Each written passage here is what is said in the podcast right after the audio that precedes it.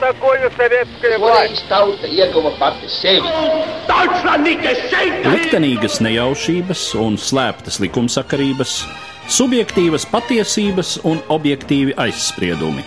Pēc atkušņa nekad nenāk uzreiz pavasars, bet sākās Arī šodien cilvēki ir ļoti tuvredzīgi. Viņi redz to naudu, kas ir. Televīzijā jau pamatā notiek cīņa par varu. Pagātne no šodienas skatu punkta un šodienas caur pagātnes prizmu. Raidījumā šīs dienas acīm. Katru svētdienu Latvijas radio eterā Eduards Liniņš. Labdien, cienījamie klausītāji! Šodien es uzsāku jaunu sarunu virkni, kas veltīta šī gada jubilāriem - Rainim un Aspazijai, bet viņu darbībai vienā konkrētā aspektā, proti, Rainis, Aspazija un politika. Un mūsu pirmā saruna veltīta dzinieku radošās darbības sākumam 19. gadsimta nogalē. Mans sarunbiedrs studijā vēsturnieks Jānis Šiliņš. Labdien! Labdien! Mēs runājam par jaunās strāvas periodu, var teikt, pirmā tāda īsti modernā ideoloģiskā kustība, kas iespaido latviešu nācijas attīstību. Bet pirmkārt mums droši vien ir jāraksturo tas politiskais fons. Kāda ir tā situācija toreiz Krievijas impērijā un konkrētāk Baltijas provincēs? Vispirms es atļaušos nedaudz nepiekrist par to, ka jaunā strāva bija pirmā tāda moderno ideju nesēja Latvijā. Pirmie tomēr bija jaunatvieši ar nacionālismu un demokrātisko un daļai liberālo ideju ienešanu Latvijā 19. gadsimta 60. un 70. gados, kur mēs zinām, arī veidojās Rīgas Latviešu biedrība un Latvieši pirmo reizi iesaistījās politiskajās cīņās, Rīgas domas vēlēšanās un dažādās citās politiskajās aktivitātēs.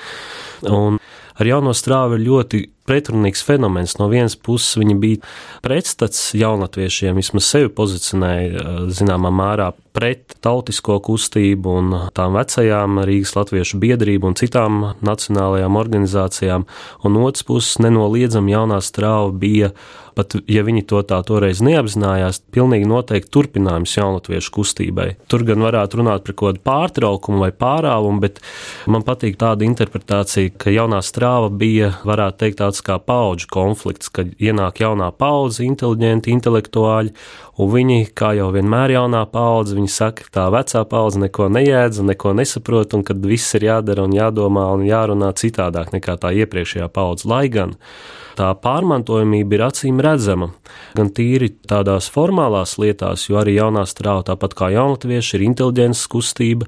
Viņi grupējas tāpat kā jaunatvieši ap laikrakstu. Jaunatviešiem bija sākumā mājas viesis, pēc tam Pēterburgas avīzes, visbeidzot Baltijas vēstnesis bet jaunai strāvai tā bija dienas lapa, arī citi izdevumi kā pūrs, un arī tā ideja popularizēšana, kas notika caur biedrībām, jautājumu atbilžu vakariem, tas bija ļoti līdzīgi kā jaunatvieši arī popularizēja savus uzskatus un savas idejas.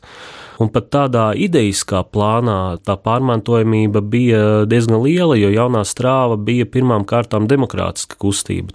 Tāpat kā jaunatvieši. Tas, ka tur nāca iekšā sociālisma idejas un marksisms, tas bija arī visai līdzīgi jaunatviešiem, kuri aizrāvās tobrīd Eiropā populārajām nacionālismu idejām. Jaunatvieši bija studējuši Vācu augstskolās, tur viņi skaidri redzēja, kā tas nacionālisms izplatās Eiropā, Vācija apvienojas, tad radās tā ideja par par latviešu tautas vienotību, par tautu vienlīdzību un tā tālāk. Un tas bija ļoti līdzīgi kā jaunai strāvai. Tikai jaunā strāva, protams, bija savu laikmetu produkts, kā jūs pareizi to norādījāt, un tā laika Krievijas situācija arī lielā mērā ietekmē to, kā šī kustība veidojās. Jo atšķirībā no jaunatviešiem, kur praktiski absolūti lielākā daļa bija Vācijas vai vācisko augstskolu beidzēji, vai nu bija mācījušies Vācijā, kā Ats Kronvalds, piemēram, vai beiguši Tarbats universitāti, kas bija vāciski, tad jaunstrāvnieki nāca no Krievijas universitātēm galvenokārt, vai no, varētu teikt, rusificētām augstskolām, kāda tolāk jau bija Tarbats universitāte, kur bija izdzīti visi vācu profesori, mācību valodu nomainīt uz krievu valodu, Un, protams, kā mēs zinām, 19. gadsimta beigās Krievijas augstskolās ļoti populārs kļuva sociāldemokrātiskās idejas, dažādu sociālistisko ideju strāvojumi. Un, protams, tiek runāts par to Raina slaveno čemodānu, ar ko tika atvests sociālistiskās idejas Latvijā, bet pirmā saskarsme ar sociālismu idejām latviešu studentiem bija tieši studējot Krievijas augstskolās, piemēram, Maskavas universitātē, kur daži jaunie studenti tiekoties ar poļu kolēģiem uzzināja, ka ir tāds marks un tas savā starpā apsprieda vai piekrist tām idejām vai nē, un arī tas pats Veidenbaums jau agrāk bija iepazinies, acīm redzot, ar tām idejām tā, ka tur tā pārmantojamība bija un ļoti sarežģītā pozicionēt to jaunstrāvnieku kustību, vai tā bija iepriekšējās kustības jaunatviešu noliegums vai turpinājums. Nu, manuprāt, tā tomēr bija vairāk turpinājums tikai citā formā jārunā ne tikai par šo idejisko pusi, bet saimniecisko pusi, kas ietekmē jaunās strāvas veidošanos, jo jaunstrāvnieki principā bija pirmā paudze, kas bija izaugusi pēc zimbūšanas atcelšanas. Tāpat arī ļoti liela nozīme bija tam, kā attīstījās tolaik lauksaimniecība un ekonomiskā saimnieciskā dzīve Latvijā. Un nevelti gan 5. gada revolūcija taisīja saimnieku dēli, un arī jaunstrāvnieki savā absolūtajā vairākumā bija diezgan turīgu, bieži bagātu saimnieku dēli. Jo tie ekonomiskie jautājumi, kas tobrīd bija nobrieduši, tie bija ļoti, ļoti aktuāli.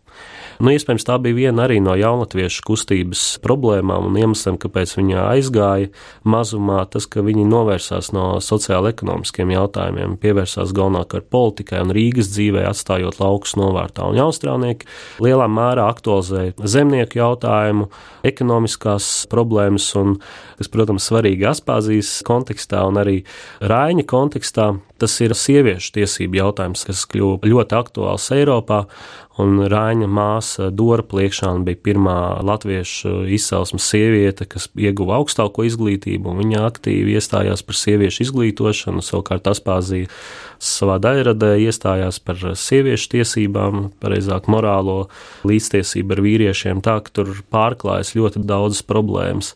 Tas priekšstats, kuru lielā mērā veido literatūras vēstures apcerējumi, kur ir formulējis Andrejs Upīts, tātad vai nu Rainis vai Andrievs Niedra. Un no tā veidojas tas priekšstats par šiem diviem poliem. Tautībnieki tātad nacionālisti. Jaunacionālisti viņus dēvēja Niedru un viņu to spārnu. Tā nosacīti neo-jaunlatvieši. Un otrā pusē nesamierināmā opozīcija, tā tad jaunā strāva Jā. ar saviem sociālajiem akcentiem. Cik lielā mērā šāds skatījums uz to ir pamatots. Jūs jau mazliet pieskārāties tam, ka droši vien arī jaunajā strāvā taču turpina pastāvēt šie nacionālie momenti un latviešu tautas emancipācijas momenti.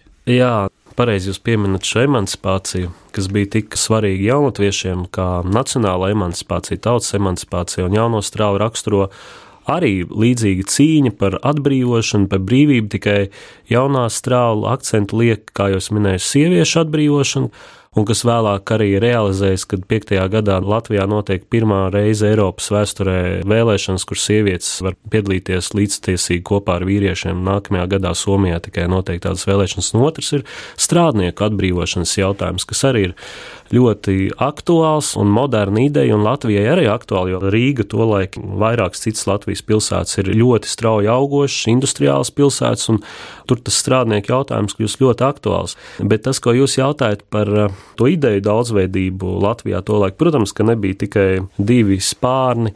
Tā ļoti vispārinot, varbūt var tā dalīt, bet, eh, protams, bija ļoti dažādas idejas pārstāvētas Latvijā. Varbūt tas viens grāvis varētu būt Veinberga idejas par to, ka mums vajadzīga sava aristokrātija un tāds konservatīvais spārns, kas bija mazākuma absolūtā, bet viss pārējais, lai gan šie jaunstrānieki darīja ļoti daudz, lai norobežotos no pārējiem ideiski, bet manuprāt tā bija vairāk tāda mākslīga norobežošanās, kur bija arī daudzi tīri tādi subjektīvi faktori, kā piemēram kādas personiskas antipātijas, piemēram, pret Rīgas latviešu biedrības atsevišķiem darboņiem vai pret jaunstrāvniekiem atkal, un tas pats Andrejs Upīts, ja nemaldos, Andrijs Niedri, viņa radošās darbības sākumā ļoti palīdzēja, lai viņš varētu vispār publicēties. Tāpat Aspāzīgi no Rīgas latviešu biedrības puses pārgāja uz jaunstrāvniekiem, un pēc tam atkal vēlāk sociāldemokrāti viņai pārmet to, ka viņa nav tik sociāldemokrātiski, kā vēlētos, bet tā ideja daudzveidība bija diezgan liela, bet es atkārtošos, ka toreiz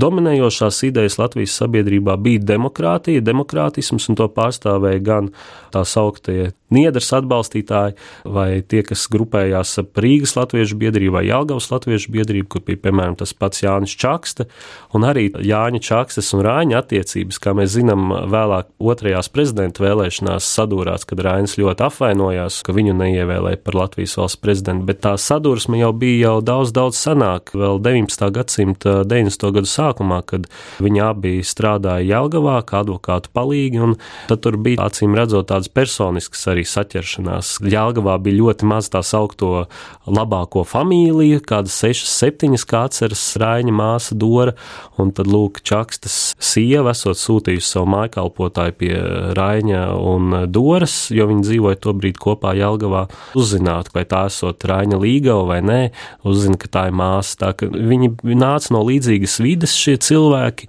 Un principā jau tās idejas lielā mērā bija līdzīgas. Tā pati dienas lapa, viņa sākotnēji bija izteikti demokrātisks laikraksts, kurš vēlāk tikai Rāņa ietekmē kļuva sociālistiskāks, sociāldemokrātiskāks, bet tā jaunā strāva bija tik daudzveidīga idejiskā ziņā, tāpēc no viņas arī izauga vēlāk gan Tas pats Miķels Valters, kurš piedalījās Zemnieku savienības dibināšanā, savienībnieki, kuri vēlāk pieslējās eseriem un pēc tam mērenam sociāldemokrātismam, tur nāca Pēters Stučka ar saviem lielniekiem. Nu, no vienas puses, varbūt ir to iespējams kaut kā nošķirt, un lielā mērā tāpēc, ka viņi paši vēlējās sevi nošķirt no Rīgas latviešu biedrības un tautībniekiem, to otru nometni kritizējot. Tā otra nometne, protams, kritizēja atkal jauno strāvu un viņu centienus, bet tagad raugoties no vairāk kā simts gadu perspektīvas, tad tās atšķirības, manuprāt, nav tik principiālas. Tur bija daudz vairāk kopīgā nekā atšķirīgā ja mēs runājam par politiku, tad droši vien tā laika vēstures niansēs neiesvaidītam klausītājam būtu vērtīgi iezīmēt arī to, kas tad vispār bija politiskā darbība tā brīža Krievijas impērijas Baltijas guberņās. Krievija tolaik, protams, bija absolūtā monarhija, patvaldības režīms, kur nebija ne konstitūcijas, ne demokrātisku visas valsts mēroga vēlēšanu. Politiskais process bija iespējams pašvaldībās, dažādu pilsētu domju vēlēšanās. Kā jau es minēju, Rīgas Latviešu biedrība ļoti aktīvi iesaistījās Rīgas pilsētas domas vēlēšanās. Pamazām pieaugot latviešu skaitam dažādās Latvijas pilsētās, ienākot no laukiem, viņa pozīcijas nostiprinājās un latvieši arvien aktīvāk iesaistījās dažādu domu vēlēšanās. Bet viss redzamākā un aktīvākā politiskā darbība netiešā veidā izpaudās tieši laikrakstos caur dažādu ideju izplatīšanu, diskusijām par dažādām modernām politiskām idejām. No vienas puses pastāvēja, protams, Krievijas impērijas cenzūra, kas nepieļāva radikālu ideju atklātu propagandu, par to varēja nonākt cietumā, bet iespēja propagandēt idejas, ja neaicināja uz vardarbību, uz kaut kādu aktīvu vēršanos pret cāra režīmu, tas bija iespējams, un to arī ļoti plaši izmantoja tā pati dienas lapa. Varbūt viņi tur e, nepublicēja tiešā veidā Marksa darbus ar Marksa parakstu, bet kaut kādus fragmentus publicēja, un tas gāja cenzūrai cauri.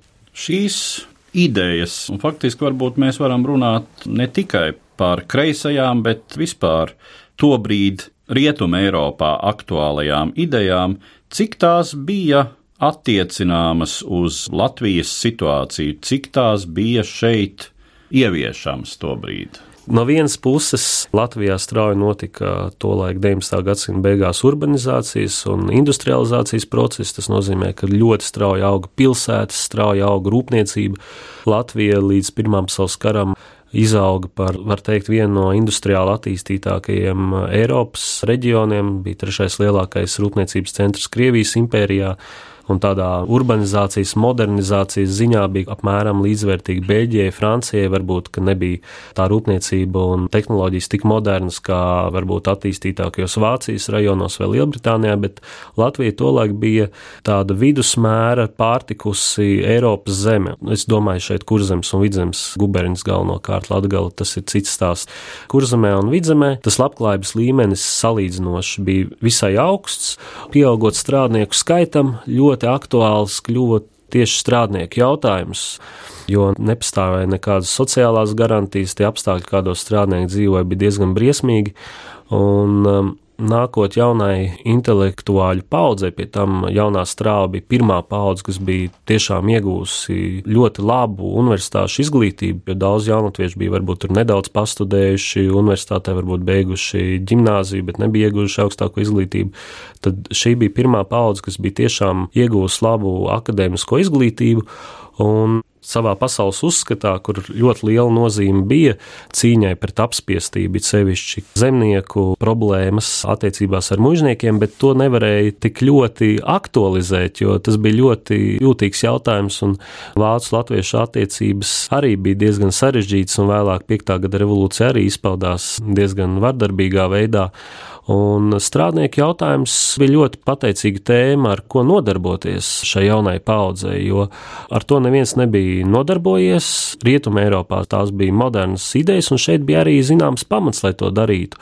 Un jaunstrādnieki saņēma arī lielu pretimnākšanu no tām strādnieku organizācijām, kas pastāvēja dažādām biedrībām, kā Jonatans un citām, kur viņus aicināja uz jautājumu atbilžu vakariem, un tur viņi varēja komunicēt ar strādniekiem. Cita lieta, protams, ka viņiem reāli to saskaras saskares punktu bija ar strādniekiem diezgan maz, jo tā plaisa izglītības ziņā un pārticības ziņā bija milzīga. Lielākā daļa liepājas vai Rīgas strādnieku bija nākuši no zemnieku vidus. Viņi bija pirmā paudze, varbūt maksimums otrā paudze, kas bija ienākuši pilsētā. Bet tomēr tās atšķirības bija ļoti lielas, un tāpēc arī galu galā uz strādniekiem tā jaunās strāvas darbība varbūt neatstāja tik lielu ietekmi, vai precīzāk sakot, viņu iniciētās idejas vēlāk strādnieki paši pārņēma, attīstot nelegālos pulciņus un strādnieku organizācijas, un jaunā strāva bija vairāk tāda intelektuāla kustība. Jā, viņi gāja pie strādniekiem runāt un tā tālāk, un dienas lapa arī bija populāra strādnieku vidū, bet kad jau pret dienas lapu vērsās cenzūra, tad uh, daudz strādnieku nevarēja saprast, kāpēc pēkšņi no avīzēm ir pazuduši vārdi revolūcija un sociālisms un strādnieki, kad vārdu strādnieks nevar vairs pieminēt, un daudz uzskatīja to par tādu nodevību. Un jaunstrādnieks pat vairs nelaida bieži uz tiem jautājumu atbilžu vakariem, un zināmā mērā tur arī radās plaisa starp strādniekiem un jauno strāvu pēc tam tās marksisma idejas jau pārņēma paši strādnieki, pašorganizējās pēc jaunās strāvas sagrāves, un tas rezultāts jaunās strāvas sagrāvi carismas izvēlējās spērt šādu soli, veikt represijas pret jauno strāvu, lai gan viņi faktiski neko tādu vismaz no mūsdienu pozīcijām raugoties, nebija darījuši. Viņi nebija aicinājuši uz vardarbīgu cīņu pret carismu vai kaut ko tamlīdzīgu, vienkārši sludināja alternatīvas idejas. Un rezultātā, kā šī legāla opozīcija tika nodzīta pagrīdē, tad tās vietā jau sāka organizēties paši strādnieki, un rezultāts bija daudz sliktāks priekš carisma, iespējams, nekā tas būtu, ja jaunstrādniekiem būtu ļauts turpināt darboties. Bet toties mēs ieguvām mūsu literatūras ģēniju, Raini, pateicoties jaunās strāvas arestiem. Tas liek uzdot arī jautājumu, skatoties uz tālāko Latvijas attīstību, vai piektais gads būtu tāds, kāds tas bija, ja jaunā strāva nebūtu represēta. Tās, protams, ir diezgan liels spekulācijas, bet acīm redzam, ka cara režīma īstenotās represijas pret savu politisko opozīciju visu laiku nepārtraukti to radikalizēja. Tāds bija jaunās strāvas represija gadījumā, tāds bija piektā gada revolūcijas laikā, kad soda ekspedīcijas un viss šī aresti un izsūtīšanas tā tālāk ļoti radikalizēja sociāldemokrāta kustību, un lielā mērā tas bija iemesls arī, kāpēc vēlāk latviešu vidū tik populārs bija lielniecisms, jeb komunisms, un kāpēc latvieši tik aktīvi iesaistījās visā tajā stāstā ar komunismu un tā tālāk. Bet jāsaprot, ko nozīmē nozīmē šīs represijas, jo Aresti, kas tika veikti pret jaunstrāvniekiem, lielā mērā iznīcināja šo cilvēku karjeras, lielā mērā ierobežoja viņu iespējas legāli pelnīt naudu. Un, piemēram, tas pats Rainis, viņš bija advokāts un kļūstot par politisko noziedznieku, piedzīvojot ieslodzījumu arestu, viņš vairs nevar strādāt savā profesijā, un viņam ienākuma līmenis krītas, un ļoti labi, ka viņš bija tik talantīgs cilvēks, ka viņš varēja citādi nopelnīt naudu, bet bija ļoti daudz cilvēku, kuriem tas sagādāja sagandēja dzīvi. Daudzus jaunstrādniekus izslēdz no augstskolām, viņi nespēja pabeigt universitātes, iegūt augstāko izglītību. Lielākā mērā, protams, 5. gada revolūcijā tas parādījās, kad pēc 5. gada revolūcijas sagrāvis ļoti daudzi bijušie tādi mēreni sociāldemokrāti bija principā spiesti kļūt par tā sauktiem profesionāliem revolucionāriem, kuriem partija maksā, lai viņi nodarbotos ar aģitāciju, kaltu plānus par revolūciju, jo citādi viņi nemaz īsti nevarēja nopelnīt iztiku. Un, um, Iespējams, ka 5. gada revolūcija būtu bijusi citādāka, ja nebūtu jaunās strāvas sagrāvis un ja šai opozīcijai būtu ļauts darboties tālāk legāli. Interesanti arī, ka vienlaicīgi ar tiesas spriedumu nolasīšanu Austrālnieku lietā notika pirmā sadursme starp strādniekiem un armiju Rīgā, tas augtais Rīgas dumpis.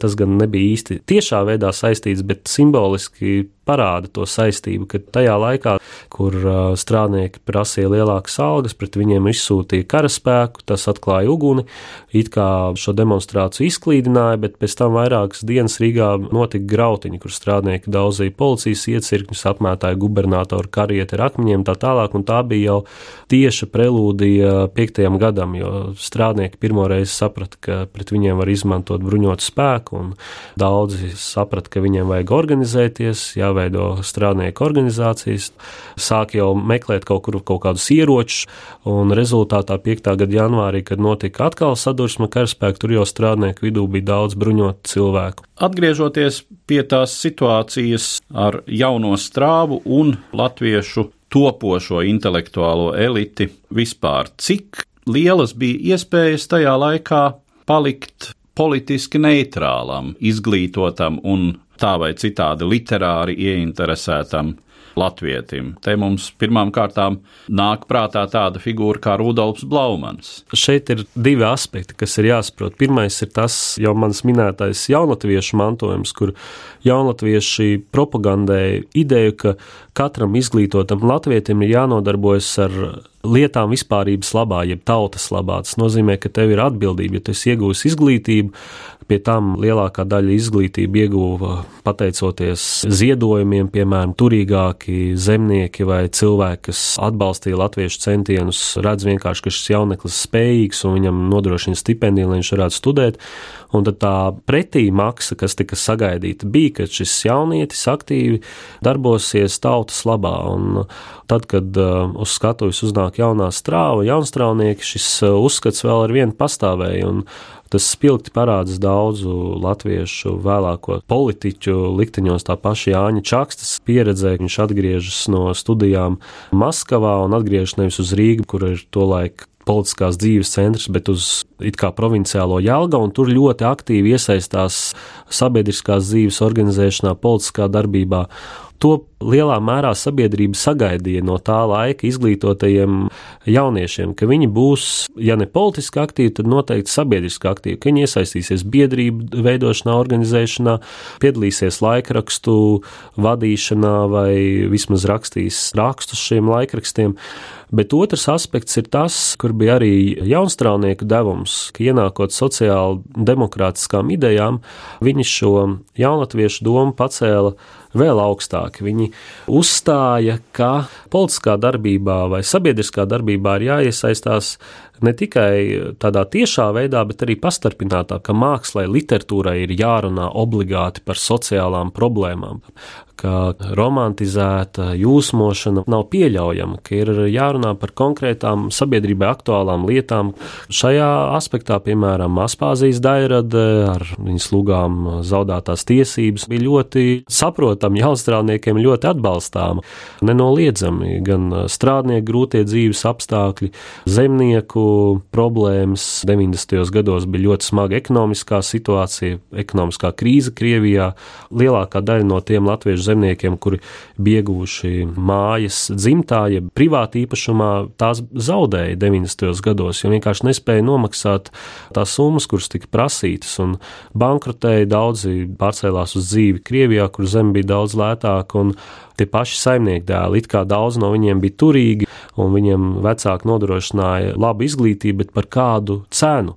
Jo bieži tas nabaga saimnieks atļāvās savas ģimenes uzturēšanai tērēt eh, mazāk līdzekļu nekā savu laukstrādnieku uzturēšanai. Apstākļi bieži bija ļoti, ļoti smagi tieši saimniekiem, un tāpēc nevelti tieši no saimnieku bērnu vidus nāca gan daudz jaunstrāvnieki, gan vēlāk arī 5. gada revolucionāri. Kā tad iespaido tālāk Raina un Aspazijas dzīves gājumu likteni šī iesaistīšanās jaunās strāvas darbībā un pēc tam pirmām kārtām tas attiecas uz Raini, ja, nonākšanu cara valdības nežēlastībā. Nu, Rainis, būdams dienas lapas redaktors, parādīja sevi kā ļoti spējīgu žurnālistu, iespējams, vienu no spējīgākiem latviešu žurnālistiem, ja nebūtu cara represija. Iespējams, mēs par viņu tagad atcerētos kā par izcilu publicistu vai izcilu redaktoru, nevis par literātu dzinieku. Un viņa devums neapšaubām bija milzīgs tieši sociāldemokrātisko ideju, dažādu sociālistisko ideju ienešanā Latvijā.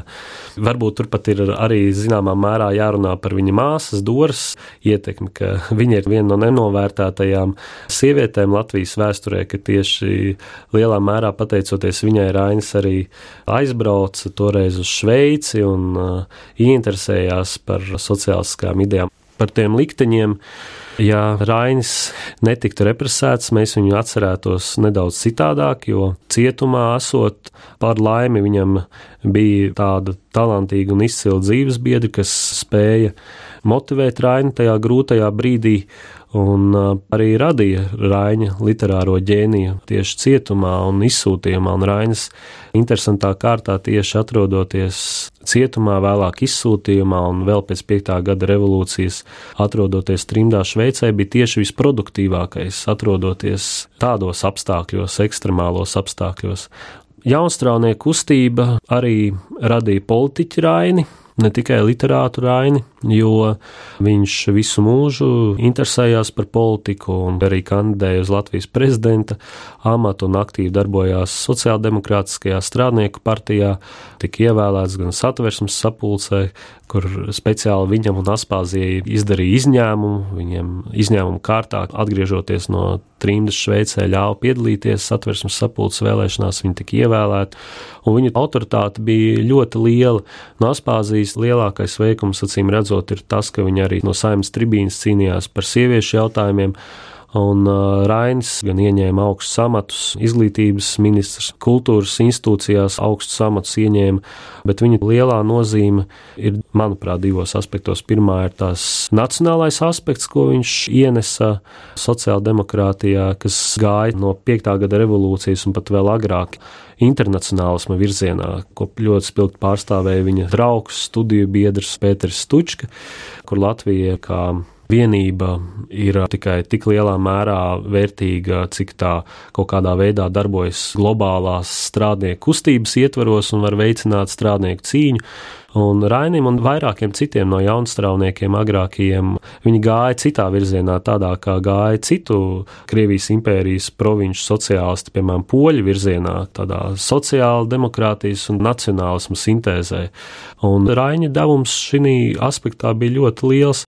Un otrs aspekts, protams, tas, ka viņš bija morāla autoritāte sociāldemokrātija. Viņš bija ikona, tautā mīlēts, cienīts kultūras darbinieks, literāts un dzinieks, kuru visi mīlēja.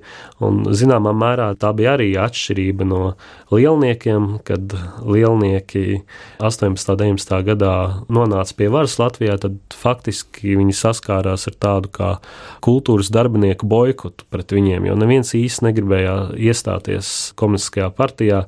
Vienīgais, ar ko tāda ciešā kontakta tika izveidot un kas sadarbojās ar lielniekiem, bija tas pats Andrejs Upīts, bet viņš arī viņš neiestājās komunistiskajā partijā. Un Stučka arī cerēja Raini sagaidīt, atgriežoties padomju Latvijā, bet to viņš nesagaidīja. Pēc tam 20. gados arī it kā koķetēšana starp padomju varu un Raini. Tā ka Rainis zināmā mērā atradās starp divām pusēm. Par tālākajām Raina un Aspazijas attiecībām ar politiku, par to, kā veidojas viņu situācija nākamajos vēstures attīstības posmos un lielajās pārvērtībās, kas notiek ar Latviju un arī, protams, Latvijas politisko vidi, mēs runāsim mūsu nākamajās sarunās. Bet par šo sarunu, kas bija veltīta jaunās strāvas periodam, Raiņa un Aspazīst dzīvē, es saku paldies manam sarunbiedram, vēsturniekam Jānim Šiliņam. Katru svētdienu Latvijas radio viens par pagātni sarunājas Eduards Līniju.